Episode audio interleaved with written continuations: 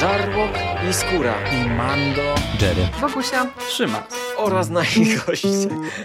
Zapraszamy. Zapraszamy. Zapraszamy. Zapraszamy. Zapraszamy.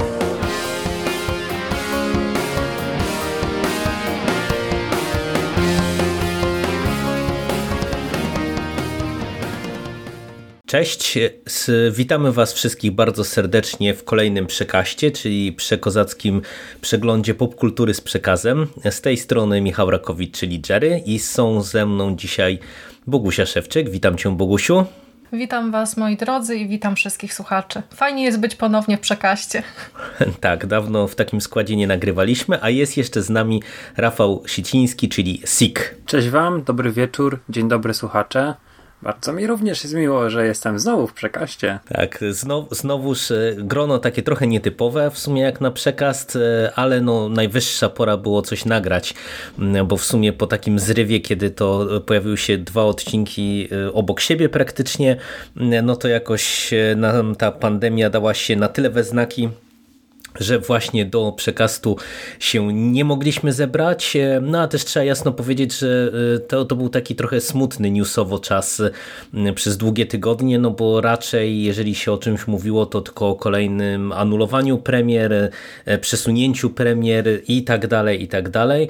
Natomiast no teraz już ta fala wezbrała, jeżeli chodzi o różnego rodzaju informacje, ploteczki, trailery, no i uznaliśmy, że czas najwyższy E, żeby tutaj coś nagrać, tym bardziej, że newsów to już się zebrało tyle, że pewnie i ze trzy odcinki by można było nagrać. No ale e, cóż, e, w końcu zasiedliśmy, no i dzisiaj mamy dla Was taki klasyczny przekaz właśnie newsowy, gdzie zaczniemy od trailerów, a później przejdziemy przez różnego rodzaju newsy, krótkie recenzje i różne rzeczy, które przez te ostatnie tygodnie nam gdzieś tam w oko wpadły.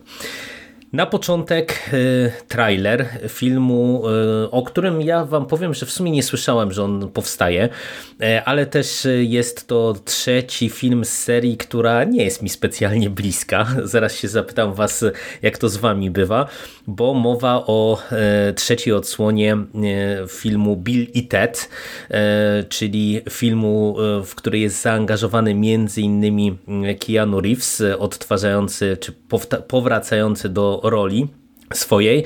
E, no i czy was ten film w ogóle jakoś interesuje? Wy lubicie tę serię, znacie tę serię? Bo no tak jak ja mówię, dla mnie to jest taka trochę anonimowa mm, e, twórczość i, i ja chyba nie widziałem ani jednej części z tego cyklu.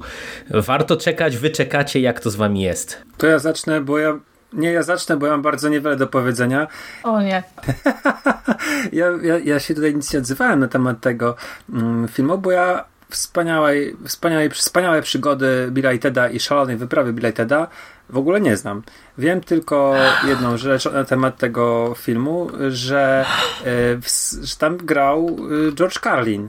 Tak. I w pierwszej i drugiej części i to jest cała wiedza na, mój, na temat tego filmu. Jak on, dowiedziałem się, że on jest kultowy w ogóle, to było gdzieś tam, no jest 15 lat temu, to ja byłem taki etap w życiu, że nie oglądałem komedii i w ogóle mm, pominąłem to. Pominąłem ten, ten, ten, ten film. Przypomniał, przypomniał mi się dopiero w tym momencie, kiedy y, został wrzucony no, no trailer, tak? I, i, i tyle mogę powiedzieć. No, wiem, że George Carlin, którego bardzo lubię, gra tam jakąś postać, ale niespecjalnie miałem kiedykolwiek okazję, chęć yy, po to sięgać. Także tyle ode mnie. No i to oddajemy głos Bogusi, bo w sumie ten news ja tutaj trochę właśnie pod twoim kątem umieściłem, bo wydaje mi się, że ty masz e, cokolwiek cieplejsze uczucia do, do tej serii filmowej. To opowiedz, jak to z Billem i Tedem i tobą było. E, to Bill i Ted, e, ta, ta pierwsza odsłona filmu to jest taka opowieść, która rozbudziła moją miłość do Keanu Reevesa i to, to uczucie trwa do teraz. To jest taka mm, bardzo fajna przygodówka, chociaż jak się ją ogląda z perspektywy dorosłego widza to, to jest po prostu wszystko takie głupawe i straszne, ale ja mam naprawdę ogromny sentyment. Miałam to nagrane na kasecie VHS i, i, i ta taśma była zjechana po prostu do granic możliwości. To był też taki film, który sprawił, że mm, zaczęłam się interesować trochę historią, bo e, cały myk w tej opowieści polega na tym, że mamy e, technologiczną nowinkę w postaci budki, która jest nas w stanie przenieść do y, różnych historycznych czasów i możemy spotkać... Doktor Who. No tak, tak, tylko że właśnie... tylko, że no, to, to, dopiero jak zaczęłam oglądać y, niedawno Doktora Who, to tak przyszło mi do głowy, że ej, no przecież ten pomysł już był. Już gdzieś widziałaś latającą budkę. No, w każdym bądź razie y, ta trzecia odsłona Billa i Teda to był taki film, na który ja właściwie nie czekałam, bo ta kontynuacja do pewnego stopnia wydawała mi się trochę niepotrzebna, y, ale y, jak zaczęłam się tak zagłębiać trochę w ten temat i czytać rozmowy z twórcami, słuchać trochę tego, co Keanu mówił tam w niektórych, w niektórych wywiadach, to powiem wam szczerze, że się no, trochę podjarałam tym projektem. To będzie miało bardzo fajny pomysł, pomysł, bo nam sami twórcy podkreślili, że będzie to taka opowieść trochę utrzymana w stylu y, opowieści wigilijnej Dickensa, czyli takie podróżowanie po alternatywnych wersjach y, rzeczywistości. Y, punkt wyjścia jest taki, że nasi bohaterowie są już starzy, co na zwiastunie niestety widać. Keanu jeszcze jakoś tam się trzyma, ale to, co czas zrobił z Alexem, no to strasznie. Ja, bardzo mi się dziwnie oglądało ten zwiastun.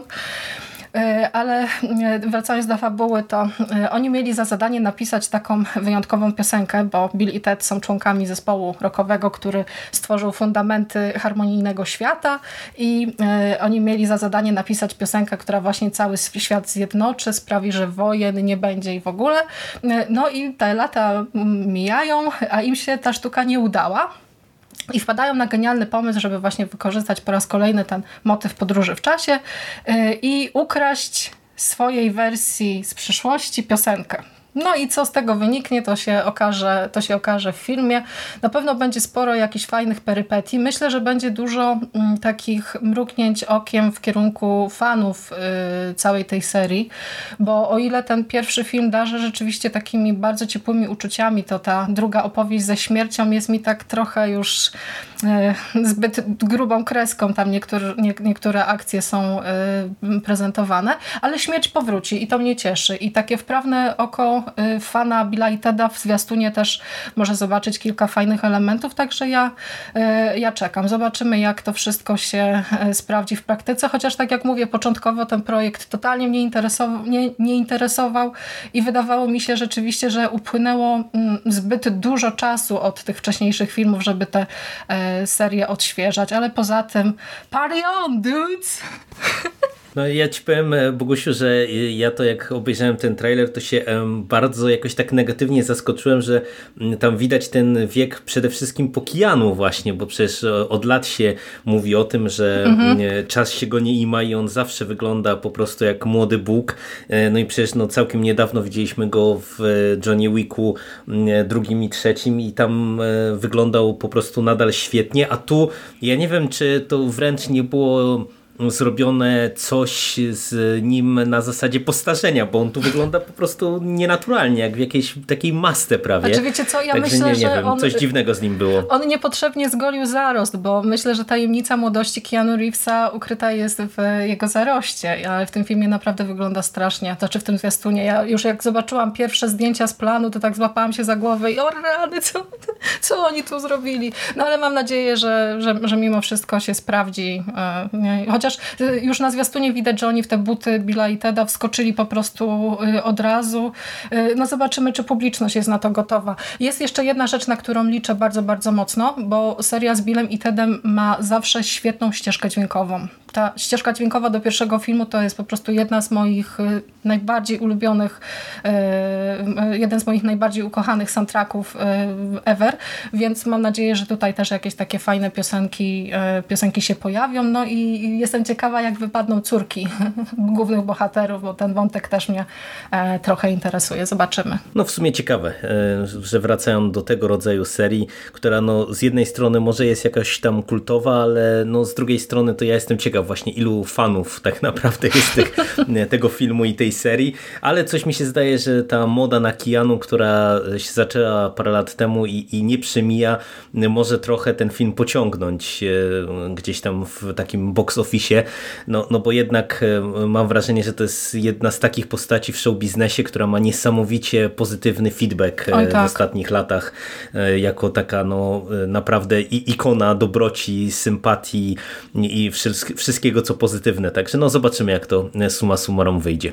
Patrząc po Aleksie, to wydaje mi się, że to jest jedyny moment, kiedy mogliby ten film w ogóle zrobić, bo czas rzeczywiście płynie, no i można by, wiecie, wymyślić jakąś fabułę związaną z na, naprawdę bardzo starą wersją Billa i Teda, ale wtedy ta zgrywa nie miałaby już najmniejszego sensu, a tutaj są jeszcze na takim etapie, że no, może do pewnego stopnia te niektóre inside joke'i, które w serii są, to mm, publiczność to kupi, chociaż rzeczywiście, jeśli miałabym się e, tak do czegoś przyznać, to chyba bardziej czekam na to, e, żeby Keanu wrócił jako Konstantin, bo e, no, w, w tamtym filmie sprawdził się też znakomicie i jeśli miałabym wybierać pomiędzy premierą nowego Billa i Teda a kolejnym Konstantinem, to wybrałabym jednak Konstantina mimo wszystko. No jakieś ploteczki się pojawiają właśnie, też. Właśnie, że, że to może być tak, że to będzie wstęp do e, Dark, Dark e, no, Justice League, więc mm. to by było super, ale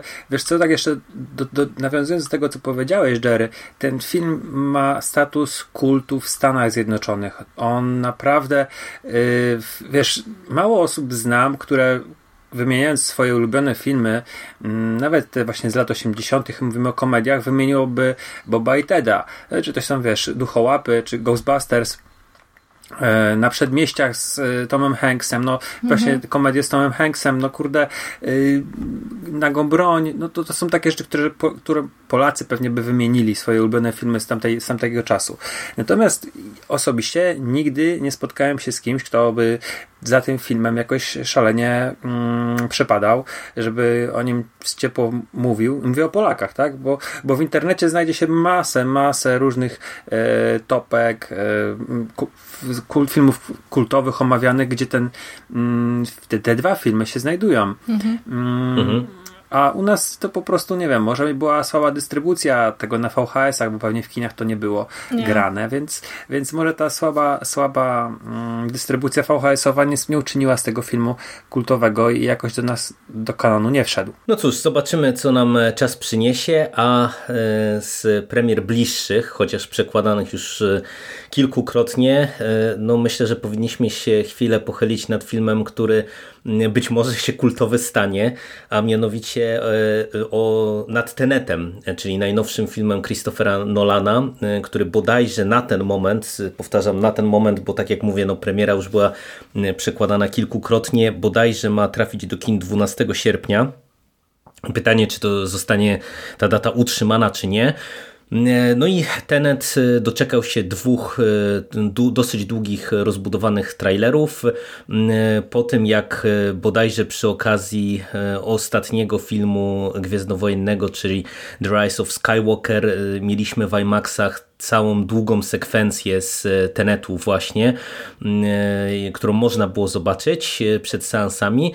No i widzieliście może tę sekwencję, widzieliście trailery, czekacie na nowy film Nolana, czy może się raczej wpisujecie w taką narrację, którą gdzieś tam dosyć często można ostatnio spotkać, że jednak to jest dosyć mocno przereklamowany twórca, który no, no tak jakby się trochę y, za, zaczyna, y, mam wrażenie, tak internetowo rozmijać z oczekiwaniami części widzów. Jak to z wami jest? Czekacie na ten film? Okej, okay, to znowu ja zacznę. E, bardzo. I zacznę od tego, że ta dziwna nagonka na Nolana jest dla mnie trochę niezrozumiała, bo to jest jednak, mimo wszystko, jeden z e, tych mainstreamowych, topowych reżyserów, który dostarcza za każdym razem rozrywkę na najwyższym poziomie. I jego filmy mają zazwyczaj jakiś świetny, wymyślony gimmick, jakiś yy, jinx taki, który za każdym razem bardzo, bardzo mocno odróżnia je, te, te jego filmy, od całej konkurencji. I można Nolana nie lubić za to, jakim przykład jest tam, nie wiem, człowiekiem, że teraz taka aferka była, że mm, nie pozwalał aktorom siedzieć na planie, bo uważał, że jak się siedzi, to się nie pracuje. Yy, można nie przepadać za jego filmami, ale umniejszanie mu i mówienie, że jest kiepskim reżyserem, to jest moim zdaniem bardzo. Mm, no, nie, nawet nie, nie jakoś krzywdzące, ale jest to silenie się na siłę na bycie w opozycji. I według mnie to Tenat, y, Tenet, przepraszam, może być filmem od razu z miejsca dla wielu ludzi kultowym, bo y, no, zapowiada się nie tylko y, rewelacyjnie wizualnie, nie tylko te sceny akcji, efekty specjalne wyglądają, że są na wysokim poziomie, a właściwie może na najwyższym poziomie, to jeszcze jego fabuła może być taką właśnie mm, no czymś przystępnym, zrozumiałym, a jednocześnie yy, nie do końca eksplorowanym w mm, w filmie e, mainstreamowym, w takim AAA e, blockbusterze, bo mamy tutaj i podróże w czasie, i zapobieganie jakiejś wojnie, trzeciej wojnie światowej, tak? Mamy międzynarodowe jakieś szpiegostwo. E, to wszystko może Mm, gdzieś tam osobno funkcjonowało sobie, ale tutaj mamy prawdopodobnie e, bardzo silne kino szpiegowskie w, z podróżami w czasie, z jakimś takim o, odradzaniem się, więc e, miszmasz, no nie wiem, Mission Impossible i czegoś jeszcze. To po pierwsze. Po drugie, ja jestem wielkim fanem Johna Davida Washingtona. To jest najstarszy z czworga rodzeństwa e, dzieci Denzela Washingtona. I o ile Denzel od trzech lat już w niczym nie gra, nie wiem czy emeryturka czy nie, to ja sobie jego najstarszego syna wziąłem na celownik po e, serialu z HBO Bowlers, Gracze, gdzie tam gra Rickiego, jedną z głównych postaci w serialu. Mm, no bo oczywiście jest The Rock, ale Ricky, Ricky właściwie mm, John David Washington jest tam powiedzmy drugo, drugorzędnym, ale jednym z najważniejszych bohaterów tych drugorzędnych, jednym z klientów mm, The Rocka. I, e, i w ogóle jak zobaczyłem, to, to, to nawet nie, nie skojarzyłem, że to jest jego syn mm, Denzela, po prostu stwierdziłem, że gościu do, dobrze gra, że jest yy, facetem, którego chyba warto zacząć śledzić, bo, bo tam w tych graczach yy, naprawdę ma masę fajnych scen. Później go Spike Lee yy, wziął do Czarnego Bractwa i, i coś tym się wydaje, że ten chłopak będzie, no ten chłopak jest równolatkiem ze mną praktycznie, więc e, może ten, ten, ten gościu będzie miał przez najbliższe lata nam coś ciekawego do zaoferowania i ta rola w tenecie może być takim wielkim przełomem. Ja czekam na kreację Roberta Pattinsona, bo po tym, co pokazał w The Lighthouse, to y, trochę sobie zaostrzyłam apetyt na jakieś tam nowe propozycje z jego udziałem, pomimo początkowej niechęci. Y, ale rzeczywiście Tenet jest takim filmem, który, no, którego nie można przegapić. Ja y, odnoszę takie wrażenie, że do pewnego stopnia Christopher Nolan y, zaczyna wyrastać na taką osobę, która może stać się zbawcą tego przemysłu e, filmowego pod takim kątem, że ten jego film e, na nowo rozbuja właśnie chęć e, wybierania się do kina, co po tej całej sytuacji związanej z COVID-em no nie jest rzeczą taką całkowicie oczywistą. Ja zwiastuny tego filmu obejrzałam, jestem totalnie zachwycona już tą wizualną stroną, bo zdaję sobie sprawę z tego, że Nolan pod kątem właśnie tego, swojego po części autorskiego spojrzenia na efekty specjalne i na właśnie te ten ogrom wszystkiego w, w, filmach, no to ma już jakby taką wy, wyrobioną, e, wy, wyrobiony właśnie swój styl, który ja lubię. Podobają mi się właśnie też te elementy mm, takiej nieoczywistości już na tym etapie najwcześniejszym, bo ja nie wiem o czym jest ten film. E, oprócz tego, że będzie coś tam właśnie związanego z, ze szpiegostwem i z podróżami w czasie, no to te zwiastuny są na tyle tajemnicze, że ja y, czuję się całkowicie zaintrygowana i, i, i zachwycona też no, czy na pewno chciałabym zobaczyć ten film w kinie i mam nadzieję, że tutaj dystrybutorzy jednak zdecydują się na ten w sumie trochę ryzykowny krok i wprowadzenie tego filmu do, do kin i nie wiem jak będzie to wyglądało ze strony mm, widowni, bo to ta sytuacja jest nadal, nadal dość napięta, ale myślę, że Christopher Nolan rzeczywiście zasługuje na to, żeby jego nowy film w kinie można było obejrzeć. Zobaczymy, jak to, jak to wszystko wyniknie y, i czy rzeczywiście będzie to taki kasowy y, sukces, jak, y, jak byśmy oczekiwali. Nie? I czy ten, ta taka łatka, która do niego przylgnęła, tego Mesjasza kin, czy rzeczywiście okaże się obietnicą bez pokrycia, czy może jednak Christopher Nolan tutaj te szlaki poprzeciera. Bo chociaż ja wam powiem, że rzeczywiście już bardzo tęsknię za wizytą w kinie. Wiem, że będzie się to pewnie odbywało wszystko w jakichś tam, nie wiem, reżimach sanitarnych, ale, y, ale mimo wszystko na akurat takie kino y, chciałabym się, chciałabym się wybrać, bo myślę, że jest, jest tego warte. No to jak za, tak zacznę może od końca, e, co do tego, e, co do tej kwestii y, Mesjasza, czy mesjanizmu mhm. tutaj Christophera Nolana, jeżeli chodzi o kino, to to jest o tyle ciekawe, ciekawe pytanie, że na nie myślę jest trudno odpowiedzieć i ja się trochę zastanawiam, czy on sam e, Warner, który jest dystrybutorem, ale też e, i kiniarze i widzowie mhm. E, nie robią zbyt dużego hypu właśnie pod tym kątem. Dlatego, że ja ostatnio słuchając e, jednego z podcastów, e, e, między innymi, gdzie była poruszana kwestia Tenetu, tam padło takie stwierdzenie, że z Nolanem jest trochę ten problem, że on jest reżyserem, który jest uznany przez krytyków, uznany przez widzów, ale on wcale nie zarabia jakichś oszałamiających pieniędzy, jak się je zestawi z kasą, którą on wydaje na te swoje filmy. No bo to są, I teraz... to są też takie filmy, które jednak wymagają od widza trochę więcej, nie? Można tak, tak, tak, tak, albo jasne. nie. No. I, I tu jest e, po prostu sytuacja taka trochę na dwoje babka wróżyła, no bo e, w Stanach e, to, to nie jest jakiś kasowy reżyser, on bardziej właśnie ma takie międzynarodową renomę. Mhm. No i teraz pytanie, czy właśnie w tej sytuacji, którą mamy, gdzie jednak wydaje mi się, że no, wiele osób może być niechętnych kinu, no bo to wiecie, jednak walczą dwa podejścia, no każdy z nas się stęsknił za kinem, ale z drugiej strony strony, no nie wiem, siedzieć dwie godziny na seansie w maseczce, mając mm, przyzwyczajenie z ostatnich miesięcy, że włączamy Netflixa i e, wpada nam co piątek 40 e, nowych pozycji, czy 30 nowych pozycji, mm, no to e, nie wiem, czy, czy tutaj widzowie jednak się tak tłumnie ruszą do kin.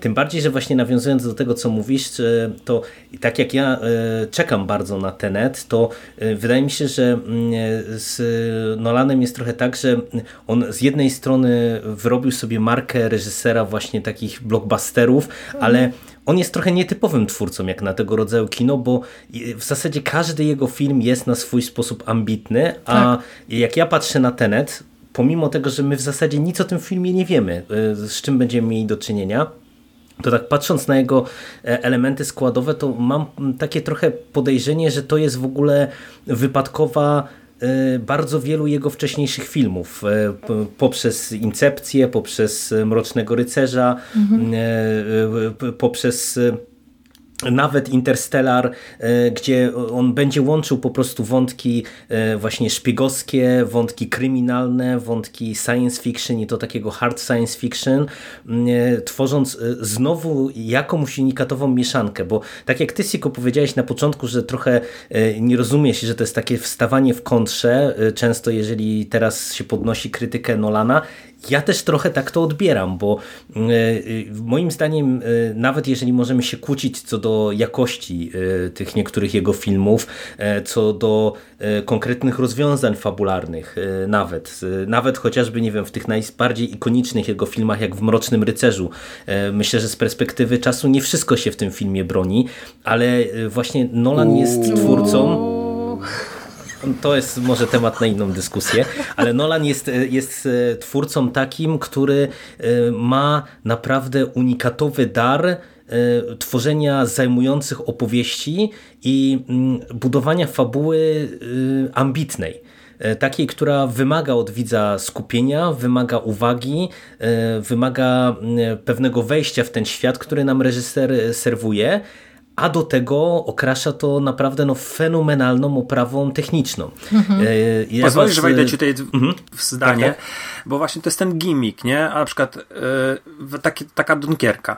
No to jest bardzo ciekawie yy, nakręcony film wojenny, ale jego tym gimmickiem, tym takim, tym tą rzeczą, która go wyróżnia, jest pokazanie tej, tej, tego wszystkiego, co tam się dzieje, a chronologicznie. Mhm. Że, tak. y, że nie mamy tego tak mm, jakoś bardzo, znaczy tam to, ta historia idzie sobie do przodu, tak? Bo, bo właściwie achronologicznie, może to źle, źle powiedziałem, ale ta, to, to, to nie jest, że pomieszane tak jak w Memento, tak? Że mamy początek, koniec i tak dalej, tylko yy, no to, to jest takie, no gdzieś, gdzieś, gdzieś to jest zaburzone, tak? To wszystko, mhm, ten, ten, tak, to tak. postrzeganie i, i ten, ten widz jest trochę tak zagubiony jak ci żołnierze na tej plaży, na tym, ci, ci żołnierze na tym morzu.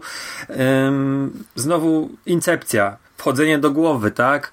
Yy, I próba czegoś tam takiej zmiany, chociaż cały film to jest trochę haste movie, trochę w ogóle mega blockbuster z jakimiś gigantycznymi scenami akcji. No on moim zdaniem ma jakiś taki pomysł, zainteresuje się na przykład czymś, tak jak Interstellar wydaje mi się, że jest wyrazem jego wielkich zainteresowań e, no taką, taką fizy fizyką, mm, astro astro astronomią teoretyczną, tak? Mhm, tak. Więc znowu Dunkierka, taki dziwny przeskok, ale może zaczął czytać książki o, o, o II wojnie światowej i, i to jest też wyraz. Ja właśnie za każdym razem, jak widzę jego film, to mam wrażenie, że to jest tak jak na przykład u Dana Simonsa. Dan Simons prywatnie y, zaczyna się czymś interesować, alpinizmem, y, poezją, y, matematyką. Zgłębia to zagadnienie i pisze książkę. Tak samo wydaje mi się, że z Nolanem. Nolan zaczyna się czymś interesować, jakimś konceptem, zaczyna go gdzieś tam badać i jego filmy są wyrazem jego fascynacji. Nie czytałem, nie, nie widziałem żadnych wywiadów z nim, nie wiem, co ten mówi na ten temat, natomiast to jest takie wrażenie odnoszę, że te jego filmy są, mają styl, ale za każdym razem to jest inna tematyka, chociażby prestiż, chociażby bezsenność,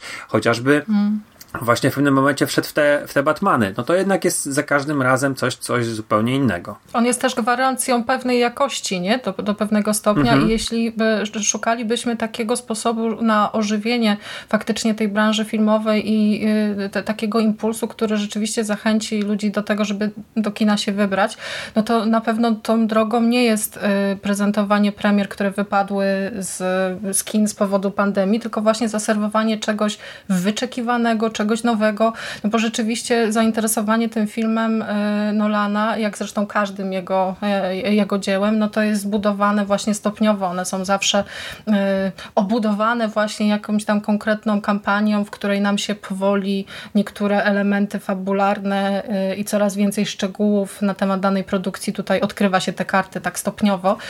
I to jest myślę też taka, taka droga, która no, może Nolanowi zapewnić do pewnego stopnia tam też jakiś finansowy sukces, to po pierwsze, a po drugie filmy Christophera Nolana z mojej perspektywy to są oczywiście takie dzieła, które zawsze też warto obejrzeć yy, dwa razy minimum, nie? żeby poodkrywać, jak już się zna ten pomysł, yy, na którym cała ta fabuła jest yy, zbudowana, no to warto potem spojrzeć już z tą wiedzą jeszcze raz i jeszcze raz, żeby podostrzegać właśnie te wszystkie poukrywane elementy. No, on jest po prostu znakomitym rzemieślnikiem i bardzo pomysłowym twórcą i to tutaj myślę, że nawet jeśli ktoś hejtuje e, pomysły Christophera Nolana, no to po prostu takiego argumentu no nie, nie można obalić tutaj. Nie, nie ma kontry. Jest no, doskonały ale to jest dla mnie, dla mnie właśnie to jest największa jego zaleta, że zobaczcie jak on różnorodnie podchodzi do materii filmowej, e, że on naprawdę łączy taką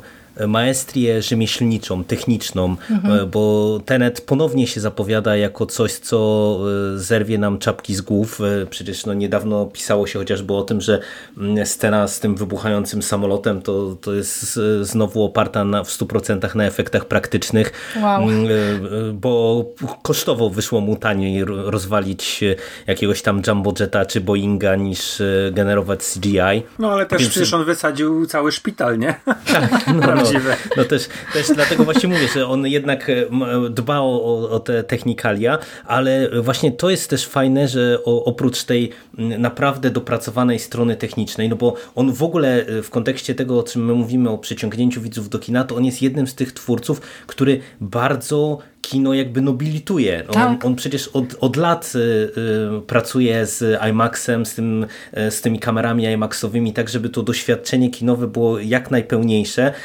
I on był jednym z takich pionerów, pionierów, czy wręcz wizjonerów, którzy nie, nie traktują IMAXa jako taki dodatek po prostu tylko jako coś, co w zasadzie jest podstawowym doświadczeniem kinowym, czy powinno być podstawowym doświadczeniem kinowym.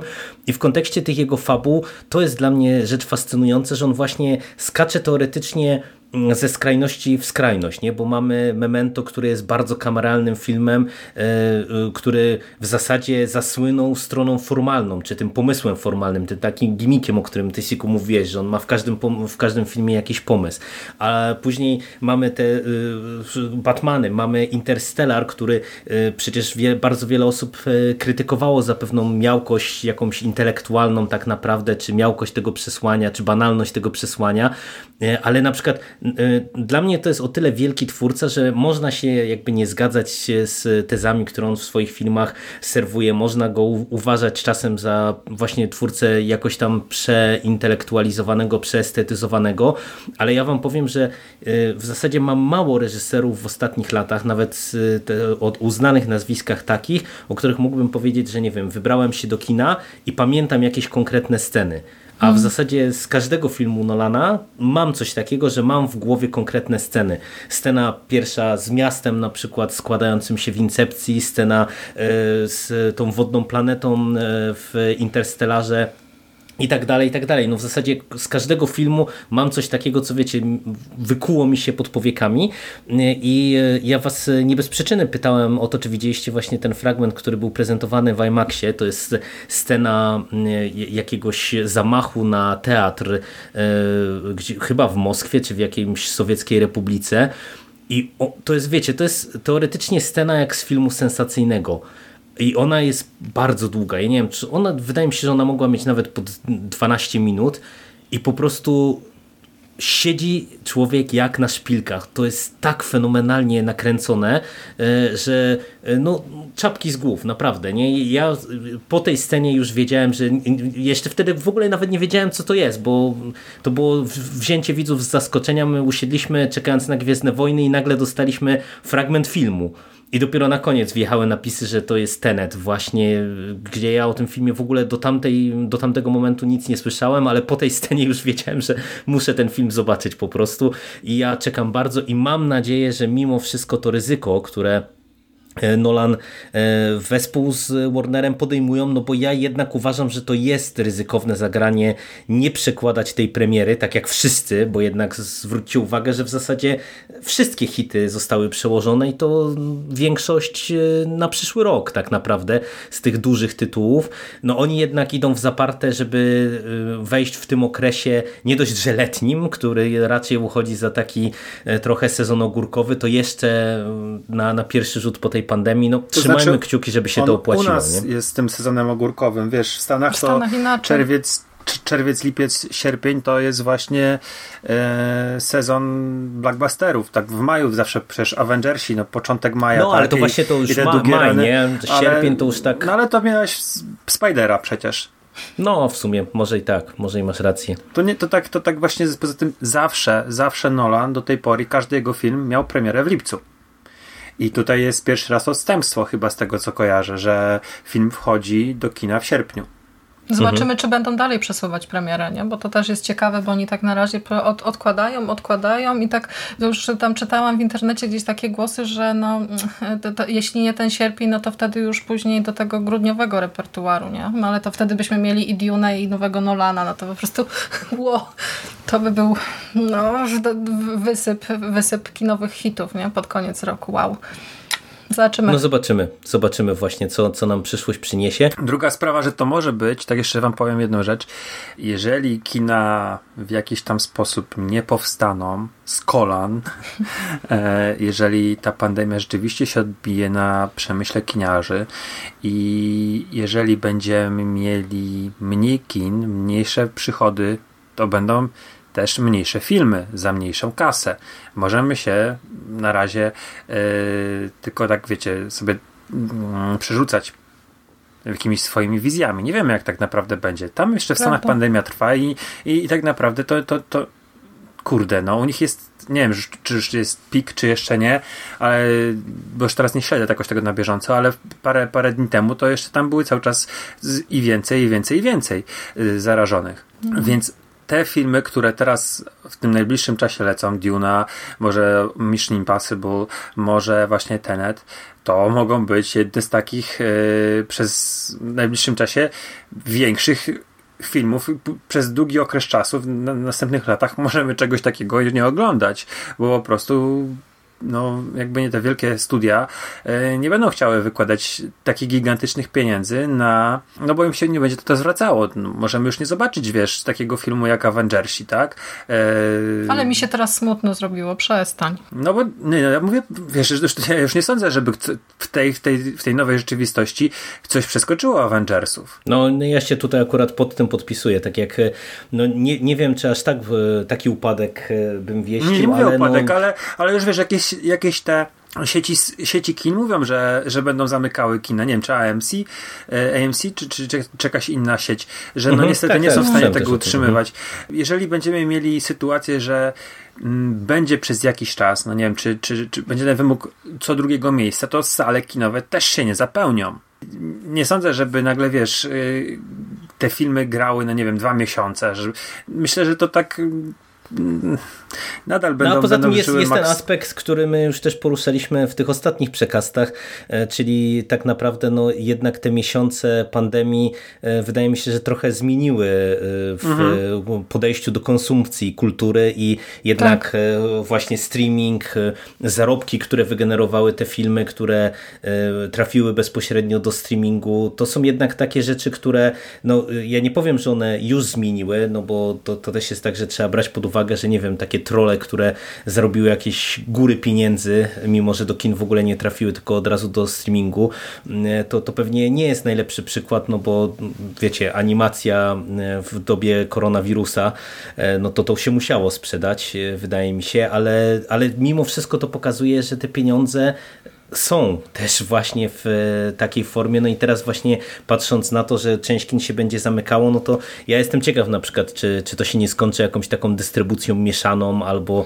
jakimiś innymi wariantami w ogóle, czy, czy, czy zmianą modelu dystrybucji, no ale, ale to jest pewnie temat na, na jakąś osobną dyskusję, żebyśmy sobie tutaj pospekulowali. Tak. No to co, a propos przyszłości, e, to jedną z, jednym z większych newsów też e, w ostatnich tygodniach było to, że e, Zack Snyder e, doczekał się w końcu. E, Czy fani w końcu się doczekali i wiemy, że jednak powstanie, czy ukaże się ten mityczny Snyder Cut. E, Nie wiadomo na razie w jakiej formie, bo mówi się o tym, że może to być forma serialowa, a nie filmowa, ewentualnie film e, około 4-godzinny. E, Wiadomo, że produkcja ukaże się w przyszłym roku na HBO Max na wyłączność. Wiadomo, że mm, Snyder oprócz te, tego swojego materiału, który gdzieś tam był nakręcony właśnie około 4 e, czy 4,5 godziny, dostanie jeszcze około 30 do 40 milionów dolarów na wykończenie e, tego filmu, na dopracowanie efektów specjalnych. E, No i co sądzicie? Bo tak naprawdę wydaje mi się, że tutaj w tej sprawie są e, dwa interesujące aspekty. Pierwszy to taki, czy uważacie, że faktycznie ta wersja Snydera może y, uratować ten film w pewien sposób. No bo umówmy się, Justice League, nie wiem czy w ogóle oglądaliście, ale, ale to może nie był tak katastrofalnie zły film, jak się o nim mówi, moim zdaniem, ale no to było widać, że to jest film pokraczny, pocięty e, i nieudany po prostu pod wieloma względami. Ale ja nie wiem, czy nie ciekawszym aspektem jest to, że no to mamy chyba najgłośniejszy póki co przypadek w historii branży rozrywkowej, kiedy fandom E, no realnie e, wymógł coś na twórcach tak naprawdę, no bo e, mówiło się do tej pory chyba, nie wiem, o Mass Effectie trzecim na przykład. A jesteś pewien, że fandom to wymógł? Bo jesteś pewien, że fani, fani którzy, no ja tak z, z, powiedziałem a, takie coś... A, a myślisz, że, że sam znak Snyder miał Może taką to jest siłę przebicia? Ta. Wiesz co, poprzednio byłem u Fantasmagierii u, u Damiana i właśnie powiedziałem coś takiego, że fani bardzo mocno naciskali na to, ale później zacząłem się nad tym zastanawiać i wiesz, czy czy naprawdę yy, wykładasz takie góry pieniędzy, bo jacyś ludzie piszą w internecie albo mówią coś, albo właśnie latają samolotem nad San Diego Comic Conem. Wydaje mi się, że Snyder to dobrze sprzedał, że wielu aktorów mówiło, Mamoła między innymi, że on widział coś, co nazywał Snyder Cutem że on to widział, on to mówił, że może to nie były gotowe efekty specjalne, może Snyder złapał ten materiał, który był i zmontował go po swojemu w, momen- w miejscach, bo Snyder w ogóle pięknie rysuje. Jest, byłem na wystawie um, Światy DC e, w Łodzi i widziałem te różnego rodzaju e, rysunki, koncept arty, które, które on wykonywał między innymi tam i on ma dobrą rękę, więc może zrobił jakieś, zresztą to widać też, no bo, bo w jego filmach, że on lubi te wizualia, może zrobił, wiesz, jakieś bardzo proste animacje samemu, gdzie pokazywał właśnie tym włodarzom i HBO i Warnera, e, że on by to zrobił w ten sposób. No kurde, jestem tutaj wiesz, ciekawy, bo nie sądzę, naprawdę, naprawdę nie sądzę, żeby to fani, e, chociaż byli mega toksyczni w pewnym momencie, to żeby oni wymogli na Warnerze, na HBO takie pieniądze wyłożyć na, no, mi się na wydaje, że to reżyserską. Mi się wydaje, że to jednak fani, bo zwróć uwagę na narrację, która była e, przy okazji Snyder Cut e, i, i, tego, jak bardzo Warner się odcinał od tego wszystkiego i wydaje mi się, że to po prostu raczej jednak e, była decyzja trochę, żeby przyciągnąć ludzi przede wszystkim do platformy. No tak, bo jednak ja. No. robimy w tej chwili, czy zaczynamy żyć w takiej sytuacji, że po prostu tych platform streamingowych jest przeokrutnie dużo. No one muszą czymś walczyć o odbiorcę. No i jednak wydaje mi się, że mm, te, tego rodzaju ukłon w stronę fanów e, na zasadzie, że ok, zrobimy wam ten mityczny Snyder Cut, ale musicie wykupić HBO Max, no to, to jednak e, wydaje mi się, że to, mm, no to była tego rodzaju decyzja i, i tutaj myślę, że sam znak Snyder, gdyby nie e, właśnie ten cały fandom, który się wytworzył wokół tego hashtagu, to raczej by tutaj za wiele nie nie ugrał. Natomiast o to, co chciałem zapytać e, was właśnie jako to drugie pytanie, to czy nie uważacie, że to jest e, e, w sumie bardzo niebezpieczny precedens, bo mhm.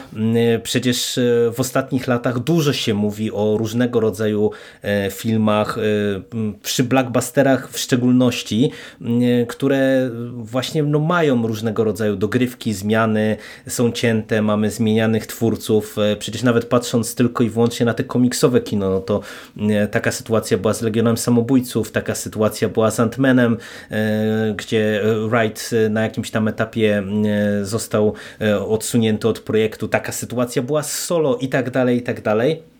No i teraz ja się zastanawiam, na ile to nie spowoduje właśnie jakiejś lawiny kolejnych tego rodzaju działań. No i jak, jak, jak wy sądzicie? Czy y, daje się, da się uratować Justice League w wersji Snydera? Czy to może być dobry film?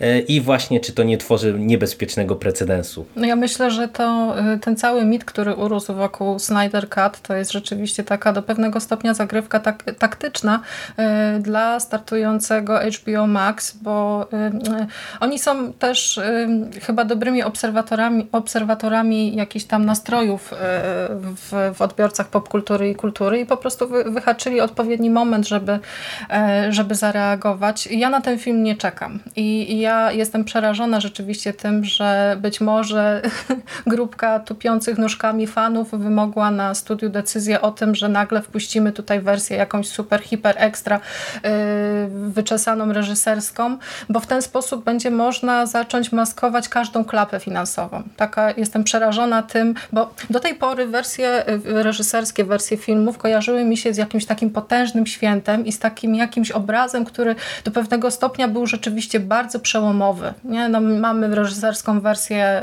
Łowcy Androidów, mamy reżyserskiego Władcę Pierścieni, który jest też świetnym filmem z tymi pododawanymi, pododawanymi elementami. I ja obawiam się właśnie tego, że teraz każdą, ka każdy jakiś błąd reżysera albo każdy film, który do pewnego stopnia nie spełnił oczekiwań, będzie można obronić w ten sposób, że no zrobiliśmy kla klapę w porządku, ale to nie jest nasza wina, bo wy widzieliście tę wersję, która no, nie była tą wersją właściwą, nie? To my wam tutaj teraz nie, rzucimy nie, nie, po prostu, e, po prostu wszystko, wszystko pozmieniane. Znaczy, z, z jednej strony ja rozumiem też to, że Snyder e, zasługuje chyba na to, żeby mm, poprawić ten film, bo to właściwie nie z jego winy e, Justice League wygląda tak jak, tak jak wygląda, no bo przecież te jego rodzinne problemy tam się pojawiły i on po prostu zrezygnował, mm, wycofał się z tej, z tej produkcji, no i potem ktoś inny go zastąpił i wyszedł rzeczywiście e, taki te, te, te, trochę pokraczny film. No ja bym nie chciała, żeby to poszło rzeczywiście w tym kierunku, że teraz dostaniemy wysyp jakichś takich popoprawianych filmów, bo to jednak no, reżyser musi mm, mieć taką cywilną odwagę, y, żeby się podpisać pod swoim dziełem, nie? Jeśli coś spieprzę, jeśli jakiś tam element mi po prostu nie wyszedł, to no biorę to na klatę, nie?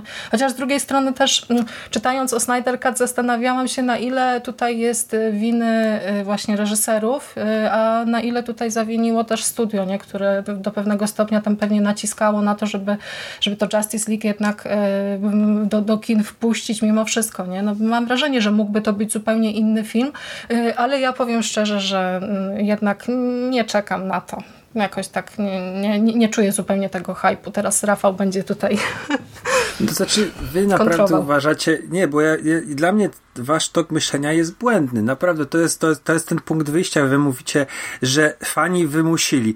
Serio, naprawdę uważacie, że fani by wymusili wydanie 30 milionów dolarów? Ja w to nie wierzę. Nie jestem w stanie w to uwierzyć. Fani bombardują, wiecie, Metacritic czy Rotten Tomatoes negatywnymi e, ocenami i tutaj wszyscy może yy, myślą, że to fani, bo może taka narracja została przyjęta, mhm. ale nie, nie po prostu nie, nie jestem w stanie nie jestem w stanie wytłumaczyć sobie tego, logicznie. Ale wiesz, przy, przy, że, że, słowo, Siku, no. E, że, e, żebyśmy się dobrze zrozumieli. E, ja myślę, że my z Bogusią podobnie jakby uważamy, że to fani w kontekście nie, że fani wymusili, mhm. tylko że fani zostali dostrzeżeni jako, tak, tak. wiesz, coś, co można Aha, wykorzystać, żeby sprzedać sensie. ponownie mhm. jeszcze ten, e, jeszcze raz ten sam film. Dobra. Wiecie, wiesz, to, to nie chodzi o to, że nawet a jakaś akcja na... Snyder Cut. Właśnie, tak, na tak, to nie chodzi o to, że teraz wiesz, akcja właśnie na Rotten Tomatoes, e, jak przy ostatnim Jedi na przykład spowoduje, że doczekamy się e, jakiejś tam innej wersji filmu, o co fani zabiegali, tylko po prostu, że nagle się okaże, że na przykład się znajdzie wersja Ayera mhm. Ligi Samobójców, bo fani już krzyczą głośno, że przecież tamten film był pocięty, dajcie nam wersję Ayera.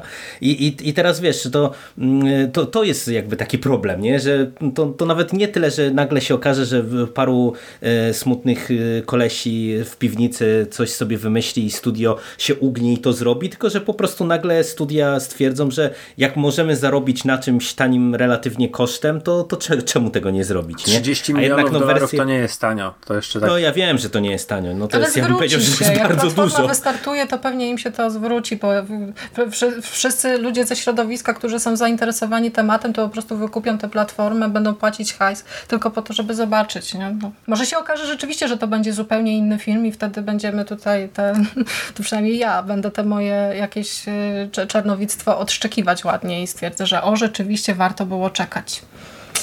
Może tak będzie, a może nie. Nie wiem. Natomiast powiem wam szczerze, że ja ten film Justice League w tym obecnym kształcie lubię, ale lubię go chyba już o tym jakiś czas temu mówiłem. Nie, chyba przy kaście, ale może, może się mylę. Lubię go jako zły film, bo on jest zły.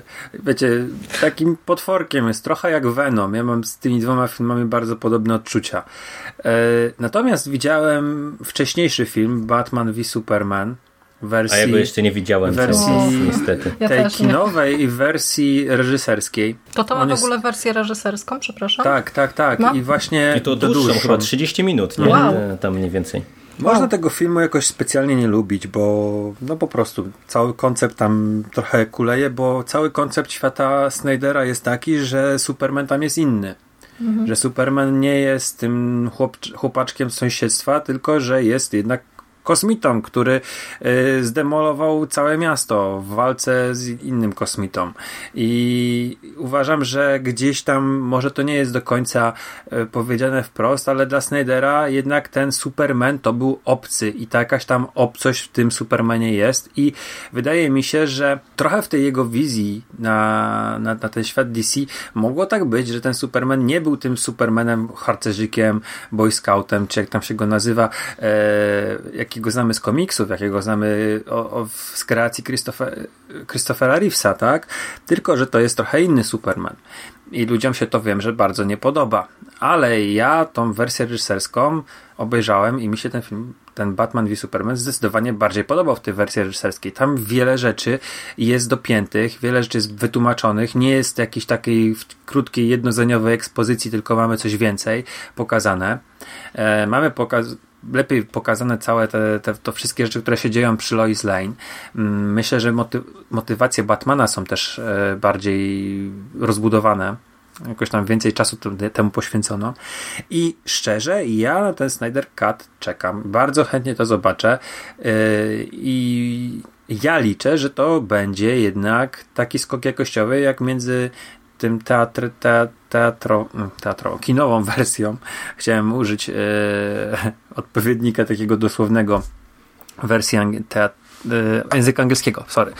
Mm, że to będzie taki skok jakościowy jak w przypadku Batman v Superman. I yy, bez jakichś tam przekąsów, bez yy, silenia się na, na sarkazm. Ja chętnie to obejrzę. Mam nadzieję, że to będzie fajne i, i możecie mnie teraz słuchacze zjeść, że się nie znam, ale ja uważam, że wcale osoba, która go zastąpiła na stanowisku reżysera nie była dobrym wyborem. Josh Whedon to jest No, gościu, który, który moim zdaniem zdarzały mu się e, lepsze rzeczy, ale jako chyba pisarzowi, natomiast dla mnie jest reżyserem przereklamowanym, a na dodatek ja nie trawię jego sposobu opowiadania historii. I dla mnie to jest y, bardzo się dziwię, że taka ilość fanów za tym człowiekiem stoi murem, bo to, to, mm, to jest taki trochę. E, on robi taki erzac. O, to jest dobre określenie. On robi erzacne filmy i po latach wracając do Avengersów 1 i 2 zdecydowanie gorzej je oceniłem, jako że osoba zdecydowanie bardziej dojrzała i no myślę, że on popsuł w Justice League swo- że wiesz, jako zbawca był przedstawiany, że przyszedł i naprawił, ale szczerze mówiąc to, to niekoniecznie wierzę w to i wydaje mi się, że mógł zrobić tam sporo, sporo złego i zniszczyć w ogóle całą koncepcję tego, co miało być. Dlatego ten film wygląda tak, jak wygląda. A to nie była wina Snydera. Obyś miał No rację. dobra, no to, to, to e, czekamy, myślę, wszyscy z mniejszym lub większym zainteresowaniem, no bo na pewno to będzie jakoś istotne wydarzenie, jak już ten e, film czy serial się pojawi. Mm, A króciutko, e, w, dosłownie w dwóch zdaniach mi powiedzcie, jak się zapatrujecie na plotkę, która chodzi, jeżeli chodzi o DC, dosyć świeża, a mianowicie e, to, że e, Michael Keaton ma powrócić e, w roli Batmana w filmie o Flashu, tym e, z Mirele- Millerem. E, No ja w sumie nie wiem, jak to jest z tym filmem, bo ten film powstaje od lat. E, Z Ezra Millerem były ostatnio jakieś tam aferki, gdzie tam e, po- pobił jakoby e, jakąś tam fankę e, i co też już miało go wykluczyć z tego filmu, a tu nagle okazuje się, że nie dość, że ten film powstaje, to wygląda na to, że DC jeszcze od razu w tym pierwszym solowym filmie o Flashu będzie chciało się pobawić we Flashpoint i zaserwować nam właśnie różne światy alternatywne, coś na jakąś mniejszą pewnie skalę, jak widzieliśmy w tym telewizyjnym evencie Kryzysie na Nieskończonych Ziemiach, który Mando omawiał jakiś czas temu. Hot or not, czekacie na starego Batmana w wersji Kitona, czy, czy uważacie, że to jest przestrzelony pomysł? Ja sobie na początku pomyślałam, jak przeczytałam ten news, to pomyślałam sobie zaraz, Michael Keaton znowu Batmanem, po co? Bo ja tak sobie yy, zastanawiając się nad tym całym zagadnieniem, to przyszło mi do głowy, że to są takie sytuacje, kiedy na przykład jakiś zapomniany aktor yy, chce wrócić znowu, chce yy, pokazać, że jeszcze, jeszcze może y, ma coś ciekawego do zaoferowania widowni. Y, natomiast uważam, że Michael Keaton totalnie nie potrzebuje y, czegoś takiego, bo te ostatnie jego filmowe dokonania to już sprawiły, że y, wrócił naprawdę w wielkim stylu. Y, zarówno w filmie Birdman, jak i w moim ukochanym Spotlightie po prostu pokazał klasę. Z drugiej strony Michael Keaton to jest dla mnie facet, który kompletnie zdefiniował w mojej głowie wyobrażenie Batmana. On i później Christian Bale. To taki, tak właśnie, to są moi Batmani. To są właśnie ci aktorzy, którzy sprawili, że ja postrzegam tę postać właśnie w taki sposób, jak, e, jak postrzegam. Mm, Keaton mentorem nowych, młodych Batmanów, ten pomysł może się sprawdzić, ale w przypadku tego e, Flashpoint to mam pewne obawy z tego względu, że tutaj wydaje mi się, że pojawienie się Michaela Keatona ponownie w tej ikonicznej roli e, Batmana będzie w sumie rzutować na to, że wokół filmu, na który czeka mało osób, nagle zrobi się taki wielki hype, no bo wiecie, nawet jeśli ja nie jestem zainteresowana zupełnie tym, tym filmem, no to teraz już mam taki powód właśnie, żeby jednak te nowinki śledzić, no bo będę ciekawa, czy rzeczywiście Keaton y, tym Batmanem zostanie, więc to jest też taki, myślę, całkiem zgrabny chwyt marketingowy, który y, przysłuży się bardziej y, tej produkcji niż samemu Keatonowi. Takie mam zdanie. Siku, a ty jak tam? Czekasz? Nie czekasz? Ja w ogóle znowu mam kontrze do zdania Bogusi, bo moim zdaniem to nie jest tak, że on e, jest zapomnianym aktorem i, i wraca. No właśnie, ja mm, tego nie powiedziałam w ten sposób. Ja no tak, tylko że tak, tak trochę to zabrzmiało, nie, że wiesz, że nie rozumiesz, nie, nie rozumiesz że po co to powiedziałaś? No ja myślę, że właśnie po to, żeby y, wprowadzić no DC na właściwie no nie, nie on, to nie jest Keaton tego robi, ale myślę, że Walter Hamada po prostu chce zrobić e, coś takiego, że zrobić łączone uniwersum, ale z uniwersów. To znaczy będą sobie światy, nie wiem, Wonder Woman, Justice League i Aquamana.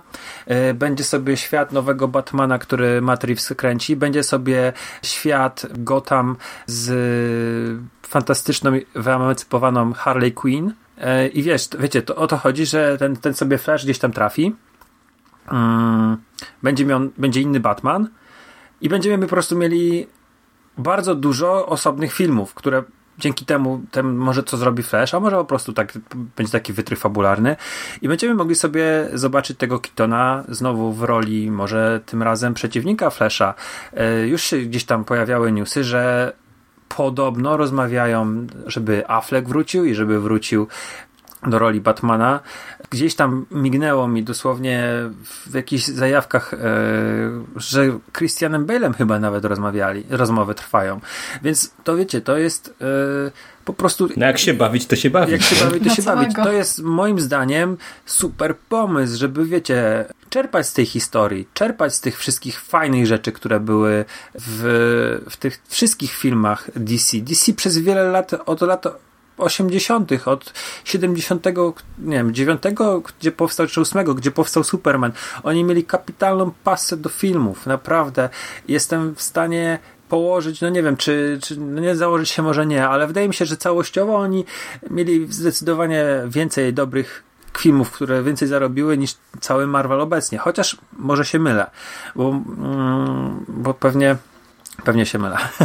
ale, ale, ale wydaje mi się, że czerpać z tych, tych aktorów, z tych postaci, z tych światów wykreowanych przez Bartona Schumachera, no kurde, jednak, jednak to były fajne rzeczy i, i wydaje mi się, że no e, to jest nie. No to, jest, to jest nobilitacja wrócić po tylu latach, po 30 ponad latach do roli, która e, jest tak ikoniczna i, i wróci do tej postaci, że wiesz. E, rozstawał się pewnie z DC Keaton w jakiejś takiej niezbyt fajnej atmosferze, no bo, bo Barton był zwolniony, zatrudniony Schumacher, on, on odszedł, ta wizja się posypała Bartonowska i myślę, że to będzie dla niego fajne doświadczenie, że może wrócić znowu, zostać tym Batmanem, no z innym reżyserem, ale pewnie po 30 latach można to przeboleć, że już się nie będzie robiło filmu z Bartonem.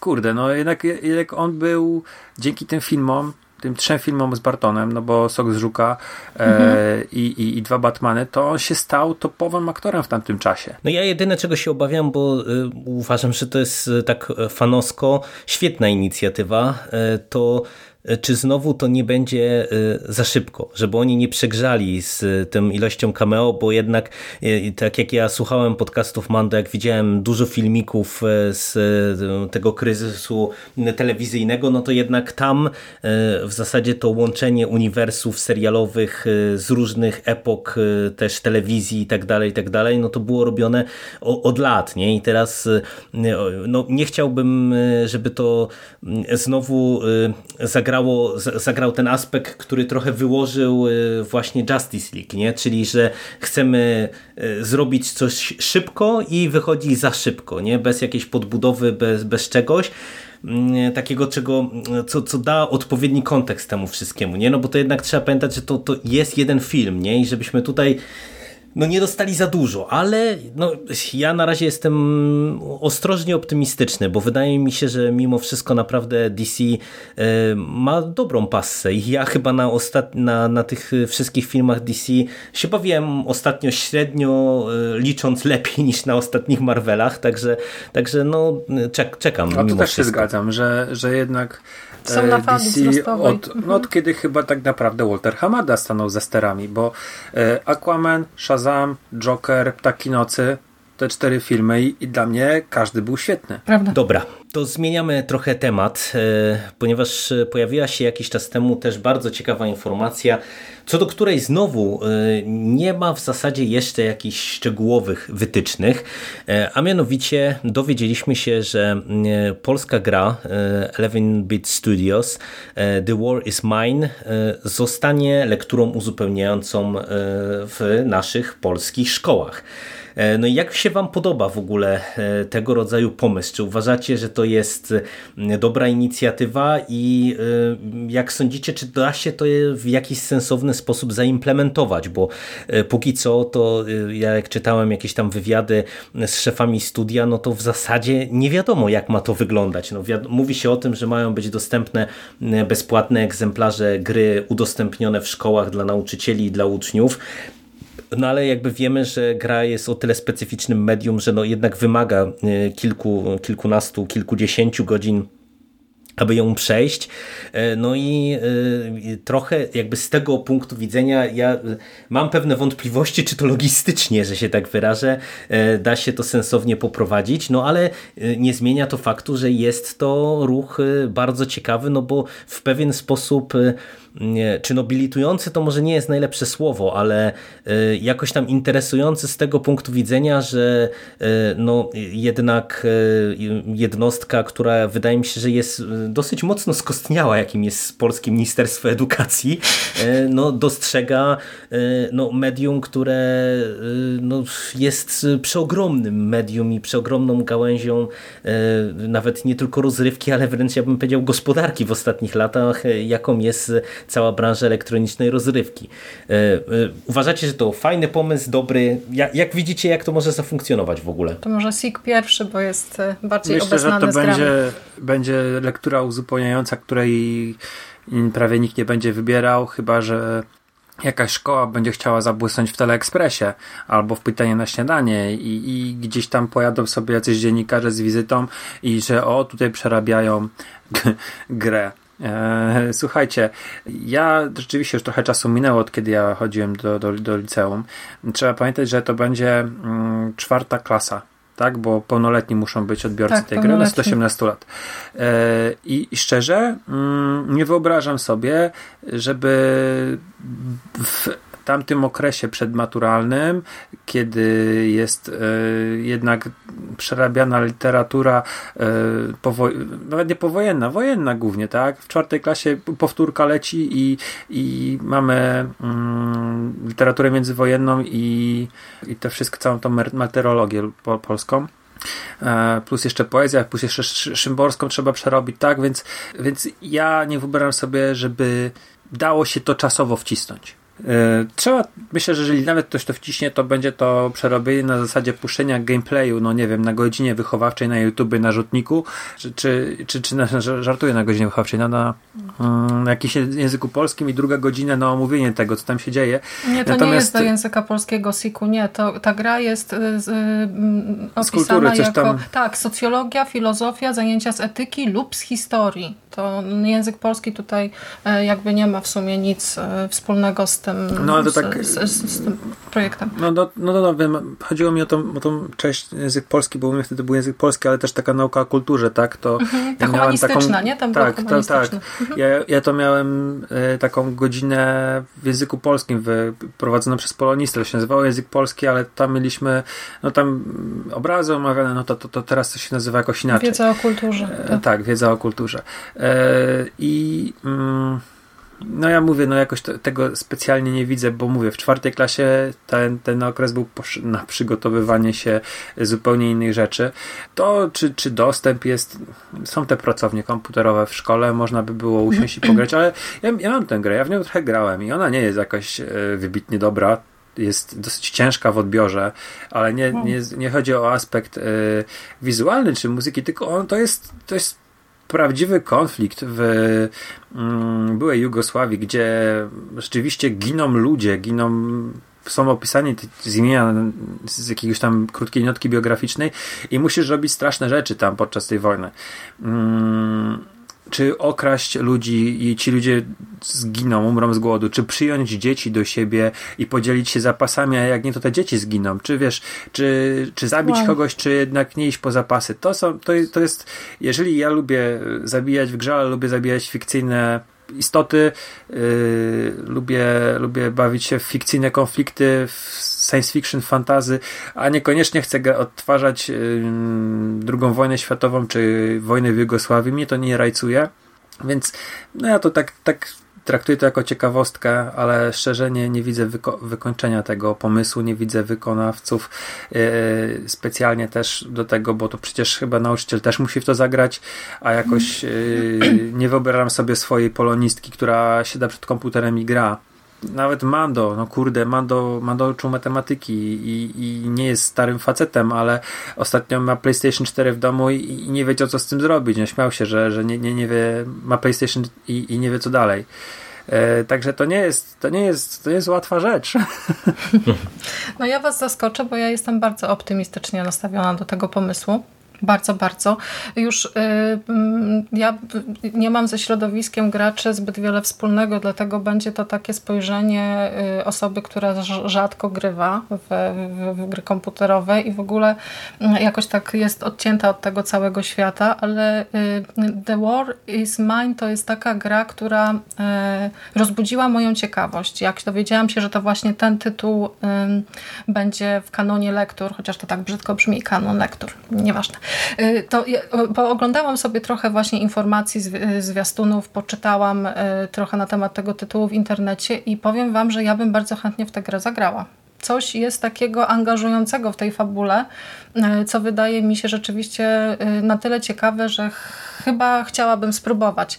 Ja też dokopałam się do takich informacji, bo ten wybór akurat tej gry, z tego co Rafał przed chwilą e, e, nam tutaj streścił, e, to ta gra była dość, takim dość kontrowersyjnym przedsięwzięciem, bo wiem, że w Newsweeku na przykład ukazała się dość taka krytyczna notka na temat tego, że na zabawie w wojnę można zarobić tam kupę pieniędzy. Nie? Taki chyba był tytuł, nie? Że, że, że, że zarabiamy na wojnie. Ja na to nie patrzę w taki sposób. Zdaję sobie sprawę z tego, że materiał w szkole średniej jest rzeczywiście bardzo przeładowany i tutaj pewnie będzie malutki procent nauczycieli, którzy zdecydują się na to, żeby w ogóle zainteresować się czymś takim, ale myślę, że mamy do czynienia z sytuacją naprawdę bardzo przełomową i to chyba nawet w skali globalnej, bo ja nie wiem, czy gdzieś w, w jakimś innym państwie mamy taką sytuację, żeby nowe medium kulturowe, jakim jest gra komputerowa, yy, znalazło się w, kręgu właśnie tych pomocy e, dydaktycznych do tego stopnia, że tutaj można by rzeczywiście e, z tymi uczniami pracować i, i niektóre rzeczy omawiać. Mm, chciałabym, żeby to rzeczywiście wyglądało w taki sposób, żeby uczniowie byli zaangażowani z tego względu, że to jest chyba po raz pierwszy taka sytuacja, kiedy to nauczyciele stoją w tym punkcie Y, osób, które nie wiedzą wszystkiego. No bo y, znam kilkoro nauczycieli, którzy y, grają na przykład w Wiedźmina, czy tam w jakieś inne strzelanki, czy w Gwiezdne Wojny na przykład, mm, ale to jest rzeczywiście bardzo znikomy odsetek tego środowiska, więc fajnie byłoby jakby rzeczywiście tutaj na tej linii uczeń, nauczyciel nawiązał się taki dialog, który by wytłumaczył właśnie niektóre rzeczy, których, które są może nieczytelne dla tego starszego starszego pokolenia. Mm, jeszcze też y, chciałabym powiedzieć, że to jest y, też bardzo ciekawe zagadnienie z tego względu, że otwiera całą masę możliwości, bo y, możemy się zastanawiać też, jakie inne gry mogłyby trafić do, do kanonu lektur i jak można by to potem fajnie pospinać na takiej zasadzie właśnie łączenia tych, korespondowania niektórych motywów właśnie w takim ujęciu kulturowym. Ja się cieszę, bo w kanonie ale lektur jeszcze, mamy komiks bo... też, więc równie dobrze może tak. być gra komputerowa, nie? Ale, ale jeszcze, bo ta gra, ona nie ma jakiejś rozbudowanej fabuły, wiesz, to jeszcze tak chciałem wrócić, bo, bo, bo zainteresować fabułą. To jest taka typowa survivalowa, wybierasz mhm. sobie postaci, siedzisz sobie w domku, e, zbierasz e, no jakieś tam rzeczy tak to mhm. ujmijmy i barykadujesz się, wychodzisz po zapasy tam dla mnie ten też ten wybór jest taki troszeczkę dziwny, dyskusyjny, mhm. bo, bo tam nie ma jakiejś fajnej narracji, znaczy nie kontrowersyjny, tylko jest dziwny, bo tam nie ma jakiejś takiej bogatej narracji, nie ma, ta gra nie jest jakaś wybitna wizualnie. Ona dotyczy rzeczywiście prawdziwego Zagadnień, konfliktu. Mhm. Tak. I, I to jest tak jakby nie patrzeć, lata 90. To jest, to jest ta historia najnowsza. Więc yy, jeżeli byś na historii na przykład jako pomoc dydaktyczna, dydaktyczna służyła, no to ja wiesz co, jestem w stanie to w jakiś tam sposób zrozumieć, ale jeżeli Może coś dlatego jest... to jest filozofia, socjologia tak, tego rodzaju kierunki. nie? Moralne, to, to, nie? To, to ma to tak, są, takie, może... są takie przedmioty w ogóle jak filozofia i, i socjologia w szkole lice, w liceach? Bo, Właśnie bo do tego też szczerze... chciałabym nawiązać, bo tutaj okazuje się, że to tak jak ty, Sik, trochę żartowałeś, y, zaczynając tę naszą dyskusję, mówiąc, że to jakaś szkoła tutaj się wybije, żeby hoho w Teleekspresie dziennikarze przyjechali i tutaj omawiamy grę, ale to rzeczywiście y, taka sytuacja nie ma miejsca w mnie mniejszych szkołach. Nie? W małych miejscowościach to mamy ten okrojony program. To jest y, takie terytorium eksperymentalne, jeśli chodzi właśnie o te takie szkoły, powiedzmy już z renomą, jakieś postępowe licea właśnie w większych miastach. Nie? To, jest ten, y, to jest ta grupa odbiorców, która mogłaby być takim materiałem testowym właśnie jeśli chodzi o, o, o, o przebicie się tej gry do, do, do, do kanonu lektur, ale to też dużo zależy oczywiście od tego, co nauczyciel z tym zrobi, nie? No bo może rzeczywiście ograniczyć się do opuszczenia tam kilku fragmentów, że tutaj sobie chodzi ludzik i coś tam zbiera i jakbyście zachowali się w tej sytuacji, ale to by miało sens rzeczywiście, gdyby e, to, to wyglądało w ten sposób, że uczniowie chociażby spróbowali zagrać w tę grę przez jakiś tam na zasadzie w cudzysłowie zadania domowego i potem dyskutowalibyśmy na temat e, wyborów, których dokona, dokonaliśmy. To też byłaby fajna sytuacja, żeby dziewczyny też zaczęły grywać w gry komputerowe, bo to, to, to, to, to słowo lektura tak bardzo źle Ale się kojarzy, jest, jak i taki przymus. Co, to zaczęły grać. Kurde, to, to się Grają, rozkłada nie? tak 50-50 mi się tak wydaje. I, I coraz więcej wydaje mi się tych młodych roczników gra, gra w 100%. Chyba, że są wykluczeni z tego.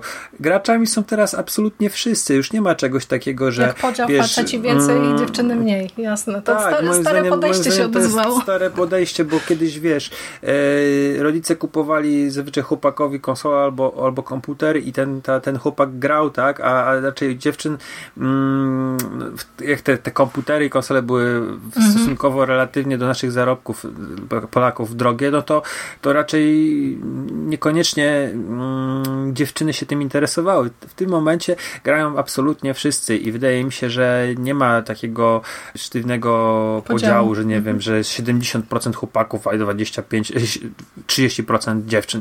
Mi się wydaje, że teraz się to wszystko rozkłada po pół. Od najmłodszych lat się rozkłada po pół, bo ja widzę po swoich dzieciakach, które No. już grają e, w jakieś tam gry, póki co jeszcze na smartfonie czy na czymś, ale, ale to już Moja są takie, tak takie samo. rzeczy, które już od najmłodszych lat są z tymi dzieciakami. Ja wam powiem, mm, że w e, całej tej sprawie mnie jakby trochę dziwi, że to czy, ja się zastanawiam, czy to naprawdę nie jest tylko taki jakiś dziwny ruch marketingowo-medialny, e, bardziej na, nie wiem, podbicie e, e, studia, czy, czy, tak, czy coś w tym stylu, bo trochę, trochę mi to wygląda jak działania pozorne. Mówię, ja czytałem wywiad dosłownie sprzed chyba dwóch tygodni z prezesem Eleven Beat Studios, który sam mówi, że on nie wie, jak ma to wyglądać. Tak, czytałam też, tak. e, I, i po prostu z jakby trwają, tak. To, ten tak, slogan. tak, że, Mhm. że oni w zasadzie nic kompletnie nie wiedzą, e, jak to ma być ugryzione E, i to jest, jest, jest dziwne, a dwa, że wydaje mi się, że też wprowadzenie e, jednej gry bez jakiegoś kontekstu Mhm. jakby takiego mm, Szerszego, medium, nie? o, Mhm. szerszego, szerszego kontekstu medium, to wydaje mi się, że to też może być taki trochę dziwny ruch, nie? bo e, e, z jednej strony pewnie mamy dużą populację graczy, dla których e, to może być z jednej strony ciekawe, ale z drugiej strony ten wybór tytułu może nie być e, jakoś tam interesujący czy satysfakcjonujący. Z drugiej strony, jeżeli jest tak, bo ja akurat w ten tytuł nie grałem, ale jeżeli jest tak, Siku, jak ty mówisz, że w zasadzie nie ma tu jakiegoś rozbudowanego gameplayu, nie ma rozbudowanej fabuły, e, no to z kolei e, kogoś, kto z grami nie ma do czynienia, no, Zmęczy. no nie, wiem, nie, nie wiem, czy ten tytuł może go na przykład e, porwać w pewien sposób, Jerry, czy, czy Jerry. zainteresować. Nie? Jerry, zawsze może się pojawić później taka alternatywa, że będą przychodzili ludzie w różne miejsca i pytali o, e, o grę z opracowaniem.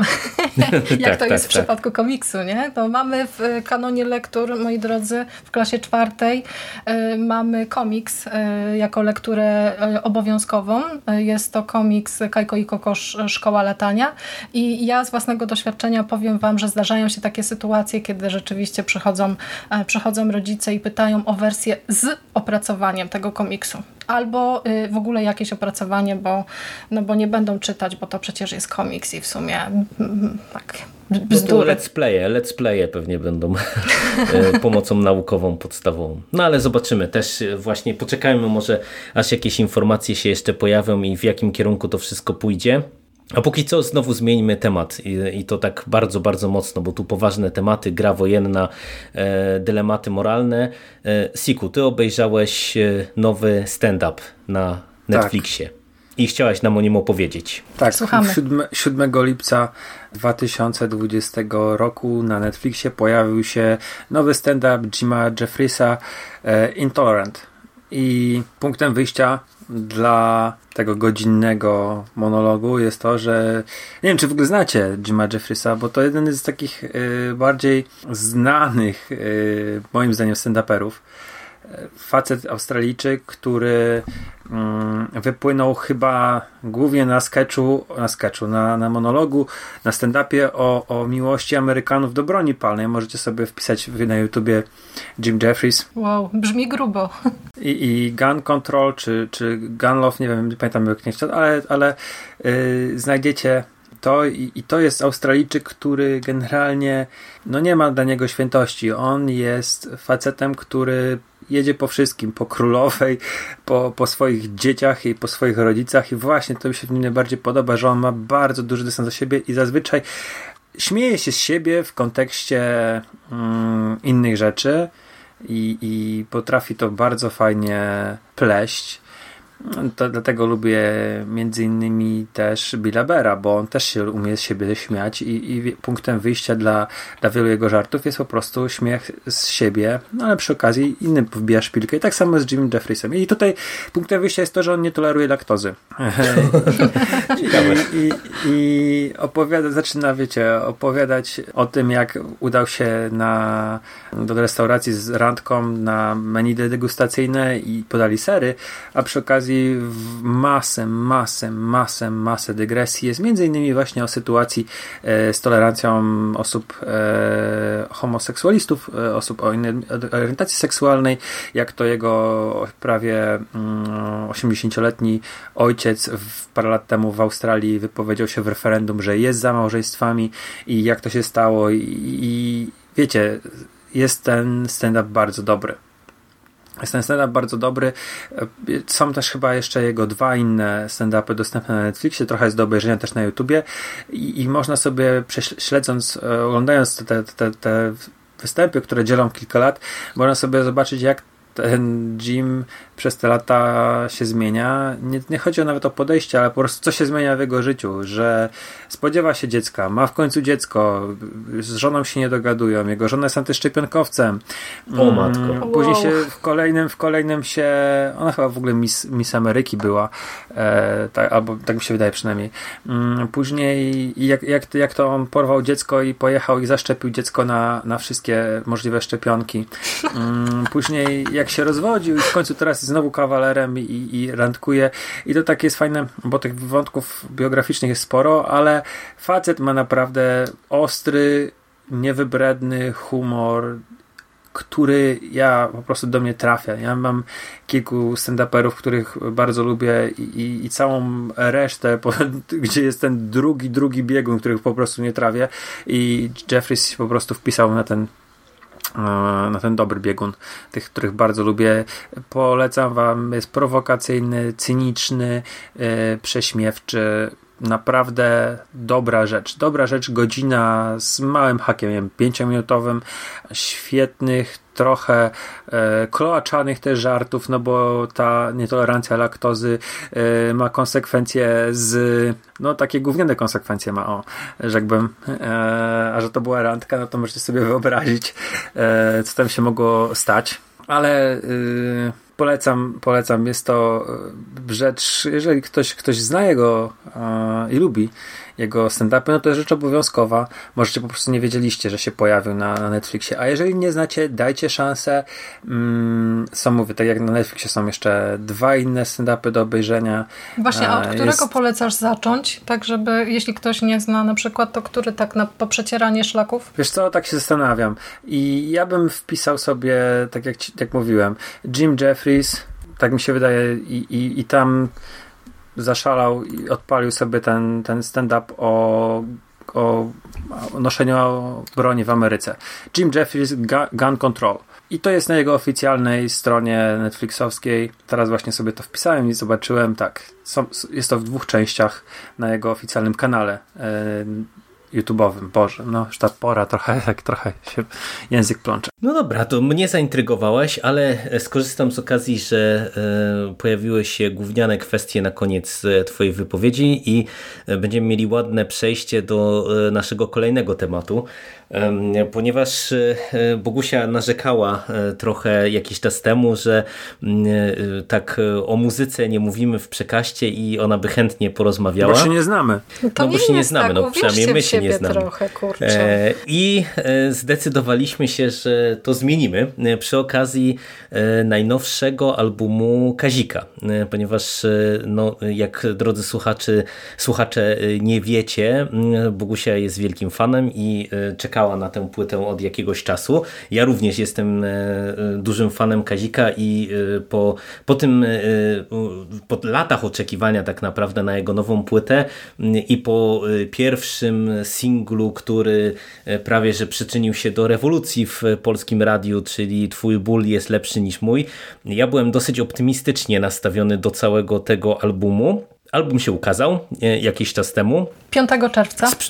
sprzedał się w jakichś niebotycznych ilościach egzemplarzy, a uprzedzając trochę swoją opinię, okazał się tak, jak zapowiadałem, że będzie Segway gówniany moim zdaniem. Niestety z przykrością to stwierdzam. Jako osoba, która naprawdę śledzi Kazika od nie wiem, co najmniej pewnie 25, jak nie 30 lat, tak dosyć regularnie. Ja wiem, że on miał upadki i wzloty, ale E, no ja byłem mega rozczarowany, naprawdę mega rozczarowany e, tym albumem. E, ty, Siku, w ogóle słuchałeś tak na marginesie, bo tak trochę się do Bogusi cały czas zwracam. Ty słuchałeś tej płyty, czy, czy nie? Ja nawet tego singla nie słuchałem. Na pewno słyszałeś, Naprawdę? nie nie, nie, nie słuchałem, ja nie lubię Kazika. Okay. E, nie, nie, nie będę uczestniczył tutaj w tej rozmowie. Ja no po prostu nie, nie lubię go. Może jakieś tam niekoniecznie Kazika, jakieś tam może niektóre kawałki kultu znam, i, i, ale nie jestem fanem i nie będę się tu wypowiadał. Pozwolę wam tutaj Spoko. No to, to, to Bogusiu, e, to powiedz mi, jak tam właśnie twoje oczekiwania i jak później rzeczywistość, e, jeżeli chodzi o zarazę, czyli album po ilu? Ośmiu latach milczenia tak, tak, naprawdę? Tak. Długo, długo trzeba było czekać. Ja nie wiem, czy przypadkiem nie od 2008 aż no ale to nie, nie sprawdzałam tej informacji przed, e, przed nagraniem, więc tutaj mogę trzeszczeć głupoty. E, myślę, że podstawowy problem, jaki pojawił się w przypadku albumu Zaraza, to jest oczekiwania. To są oczekiwania słuchaczy, bo po tym singlu, który dostaliśmy, czyli Twój ból jest lepszy niż mój, no to tutaj każdy fan Kazika spodziewał się rzeczywiście jakiejś takiej naprawdę potężnej dawki piosenki politycznej, Y, piosenki, która będzie wywoływać właśnie rewolucję, piosenki, która sprawi, że lud wyjdzie na ulicę i, i, i, i rzeczywiście ta rewolucja się dokona. Mm, ja Kazika bardzo cenię. Y, lubię bardzo mocno y, jego poczucie humoru. Niektóre te piosenki z początków jego kariery to mają rzeczywiście taką energię, że człowiek ma ochotę faktycznie rozwalić cały świat. Kazik jest też refleksyjny, kiedy trzeba. Mm, szalony, kiedy trzeba, nie boi się eksperymentów. Mm, natomiast z czymś, co totalnie w moich oczach, przynajmniej przy tym pierwszym odsłuchu, bo mam takie, takie wrażenie, że Zaraza jest takim albumem, który będzie bardzo dużo zyskiwał, jeśli będzie się go słuchało nie, nie tylko raz, tylko tam na przykład kilka razy. Ale coś, co może ten album wyłożyć na samym początku, to pewnego rodzaju biesiadowość, taki właśnie biesiadny charakter, taka, e, taka muzyczka właśnie festynowa, z jakimiś takimi tekstami, których po Kaziku byśmy naprawdę nie oczekiwali, nie? No bo już w pierwszej piosence mamy przecież tekst, który no brzmi kwarantanna, kwarantanna, łóżko, pokój, kibel, wanna. No kurde, Kazik? Naprawdę? Jak słuchałam tej płyty po raz pierwszy, to byłam naprawdę bardzo zdenerwowana, bo y, pojawiało się w niej sporo takich rzeczy, które y, postrzegałam za banał. I tak y, bardzo bolało mnie to, że kolejny z bohaterów mojej młodości po prostu mówiąc wulgar, wulgarnie, skapcaniał na stare lata. Jakoś tak pozbył się właśnie tego swojego ciętego dowcipu. Ale potem tak y, przyszła pewna refleksja i doszłam do wniosku, że ten album powstał nie dlatego, że Kazik musiał komuś coś udowodnić, tylko po prostu miał potrzebę i nagrał płytę. Problemem e, tego wydawnictwa jest przede wszystkim to, że e, ono było mm, produkowane rzeczywiście tak trochę chałupniczo. Jest tutaj rzeczywiście sporo takich elementów e, niespójnych, bo o ile w tej warstwie tekstowej i w jakimś takim ogólnym zamyśle, to, to, to, to ja widzę, że jest pewna jakaś myśl przewodnia, która, która nad tym albumem, yy, która przyświeca po prostu Kazikowi w tych tekstach, bo to jest po prostu taka kronika życia tu i teraz. Yy, takiej felieton o człowieku, który przeżywa pandemię i w jakiś tam śmieszny sposób próbuje się zdystansować do niektórych rzeczy, które widzi. Jest tam przecież piosenka e, właśnie o wciskaniu e, klucza, e, kluczem windy, albo o tym, że w Ameryce są zamieszki, o tym, że ten, Kazik się niby tam odżegnuje, że te polityczne teksty i tam tej polityki w, w, w, na tej płycie jest niewiele, ale jakby tak się mocno przysłuchać i przełożyć to wszystko na te informacje, te, te, te informacje, które do nas napływają ze wszystkich zakątków świata, no to tutaj pewna analogia jednak się, jednak się pojawia. To jest też bardzo rodzinna płyta i te właśnie rodzinne fragmenty są chyba takim najsłabszym elementem, bo tam jest piosenka, którą Kazik napisał dla swoich wnuków na przykład, albo piosenka z tekstem jego żony, która jest rzeczywiście taką weselną, taką weselną melodyjką. Już się śmiałyśmy z moją znajomą, że jakby to puścić faktycznie e, ekipie na weselu po paru głębszych, to nikt by nie zauważył, że to kadzik, wszyscy by po prostu się bawili. Ale jest e, też kilka takich piosenek, które, w których słyszę kazika. Tam jest przecież ten utwór Nie mam na nic czasu, bo oglądam seriale. No to to jest po prostu stuprocentowy kazik, nie? Z taką właśnie melodią szaloną. Zakończenie płyty jest bardzo mocne. Tam e, ta, ta, ta, ta piosenka Demokracja i później ta zamykająca całe wydawnictwo Bohater, no to to są naprawdę bardzo dobre teksty i to są takie piosenki, które sprawiają, że jednak nie jestem w stanie wystawić takiej całkowicie negatywnej e, oceny e, tej płyty. Myślę, że to jest po prostu mocny średniak. Niestety. A to, że spotkała się ona z pewnego rodzaju rozczarowaniem, bo ja, ja się przyznam, jestem rozczarowana, nie, nie takiej płyty oczekiwałam, y, ale też troszeczkę marketingowo tutaj zostałam y, jednak oszukana przez y, te, te, te wszystkie rzeczy, które toczyły się wokół, wokół Kazika i tej piosenki która rozwaliła prawie, że e, program Trzeci Polskiego Radia. No ja ci powiem, że naprawdę jesteś łaskawa, jeżeli chodzi o tę płytę, bo e, ja e, pisałem u siebie, że mi się ten singiel promujący bardzo podoba. I on mi się spodobał od razu i to już myślę, że nie wchodźmy w dyskusję wokół trójki, bo no to, to, to, to już tam inny temat zupełnie. I na, naprawdę uznałem, że to jest piosenka taka, która może być zwiastunem że dostaniemy po latach naprawdę coś dobrego. E, pierwszym takim sygnałem, że jednak może to nie być coś takiego dobrego, było to, że mm, dostaliśmy ten taki teledysk e, jakby w podziękowaniu dla fanów e, kilka dni po tej całej aferze z trójką. Powiedzcie, że kochacie nas, się A nazywa. to jest w ogóle beznadziejna piosenka, nie powinno jej być singlem I promującym. Właśnie, tak. i, I właśnie, wiesz, to mnie szokowało, że to jest singiel z płyty, bo ja byłem święcie przekonany, że to jest taka, taka beka po prostu, nie? którą oni sobie E, nakręcili z dnia na dzień e, dosłownie właśnie w podziękowaniu dla fanów, jako po prostu no, taki żart sytuacyjny i, i jako żart sytuacyjny na fejsie ta piosenka się sprawdza, natomiast jako piosenka na płycie ja uważam, że ona nie powinna się tutaj znaleźć. Co więcej, e, z jednej strony absolutnie się zgadzam jakby z diagnozą, że to jest trochę płyta taka rozdarta pomiędzy właśnie takim Kazikiem, którego znamy, czyli tym takim zaangażowanym e, w mhm. jakieś bieżące sprawy, ale też polityczne, e, tymi kwestiami rodzinnymi i tą bieżączką taką właśnie kwarantannową, tylko y, ja trochę tego nie rozumiem, no bo mówi się, że ta płyta powstawała y, jakoś tam od lat, a ta płyta brzmi y, i jak tekstowo i muzycznie, tak. tak. jak napisana na kolanie, jakby Kazik wstał któregoś dnia rano i, i stwierdził, nie no, no dosyć już tej przerwy, siedzę w domu, nudzi mi się, bo nie mogę wyjść z chaty, to w końcu nagram tą płytę. I niestety to czuć w każdym tym segmencie momencie, bo y, popieram, że ten segment rodzinny jest słaby. Mhm. Ta piosenka dla wnuczek y, jest denna moim zdaniem, naprawdę. No ja mogę docenić i, i, mogę, nie wiem, jakąś tam z pewną nutką sympatii odebrać to, że nagrał e, dziadek piosenkę dla swoich wnuczek, co nie zmienia postaci, że to jest słaba piosenka. Mhm. E, I, i, I to są słabe segmenty. E, ten segment koronawirusowy dla mnie jest jeszcze, można by powiedzieć, chyba najlepszy z całej tej tej płyty, no bo no bo to jest taki Kazik właśnie, który komentuje jakieś bieżące głupotki i to jest w porządku.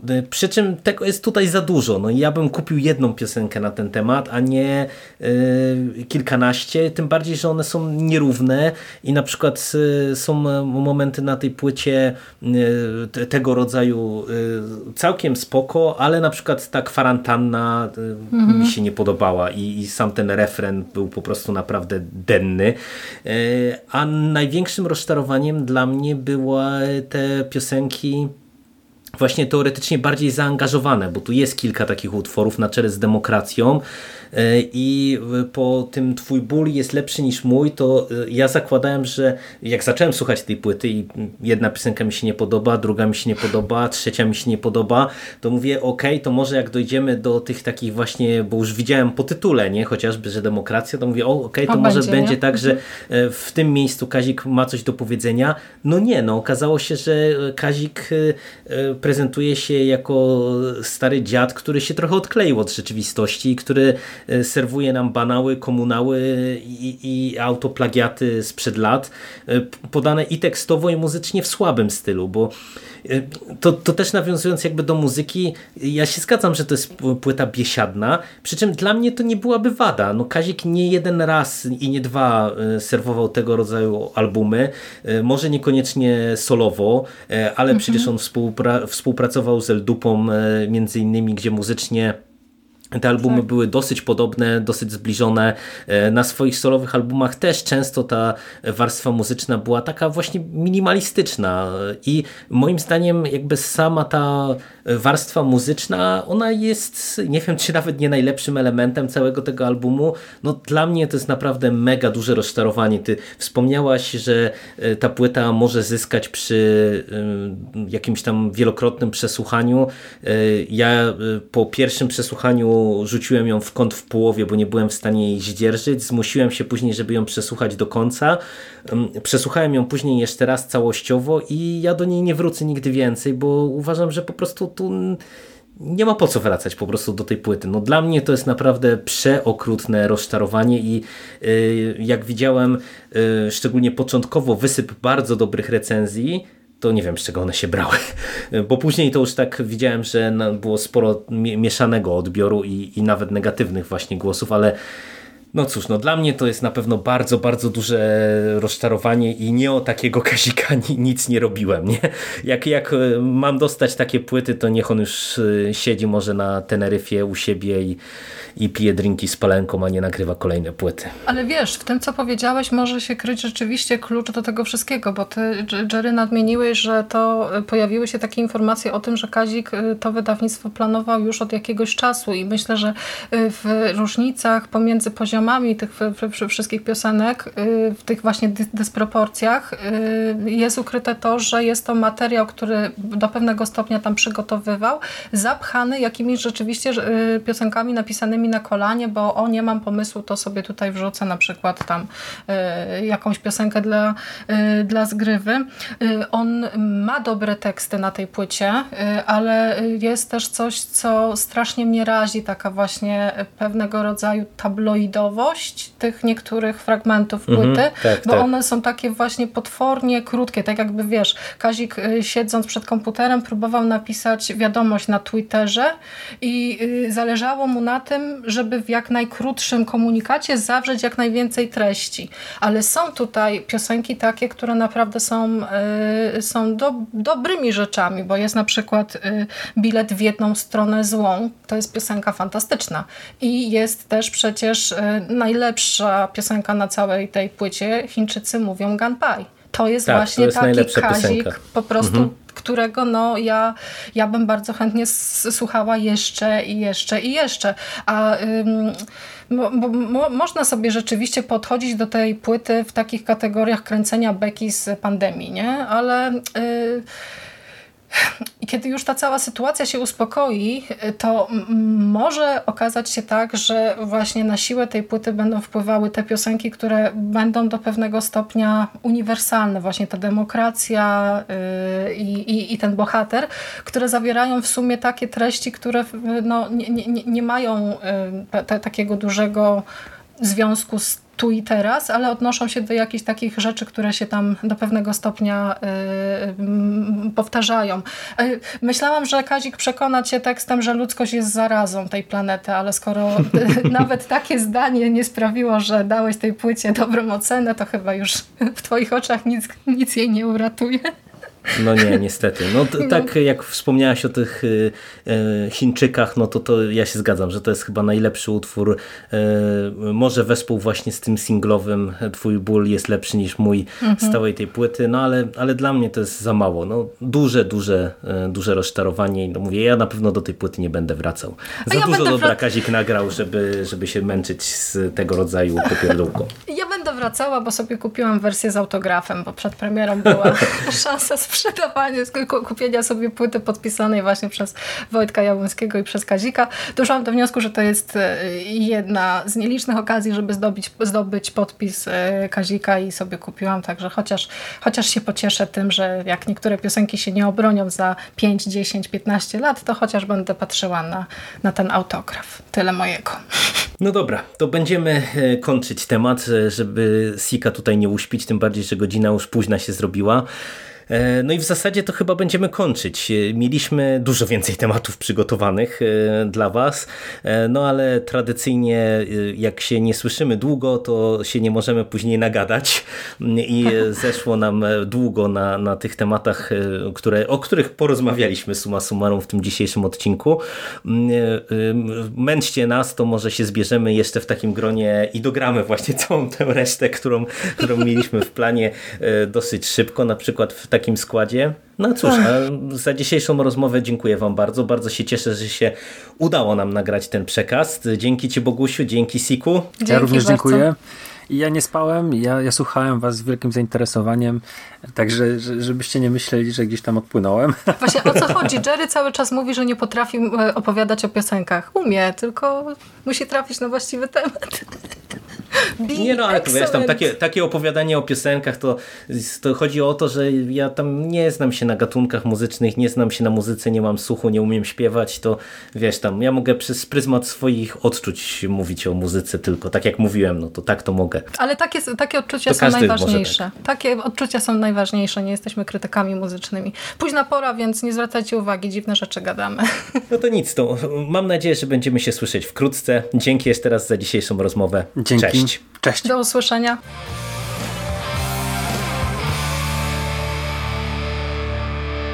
You finished? That's it, man. Game over, man. It's game over. What the fuck are we gonna do now? What are we gonna do? It's over. Nothing is over! Nothing! You just don't turn it off!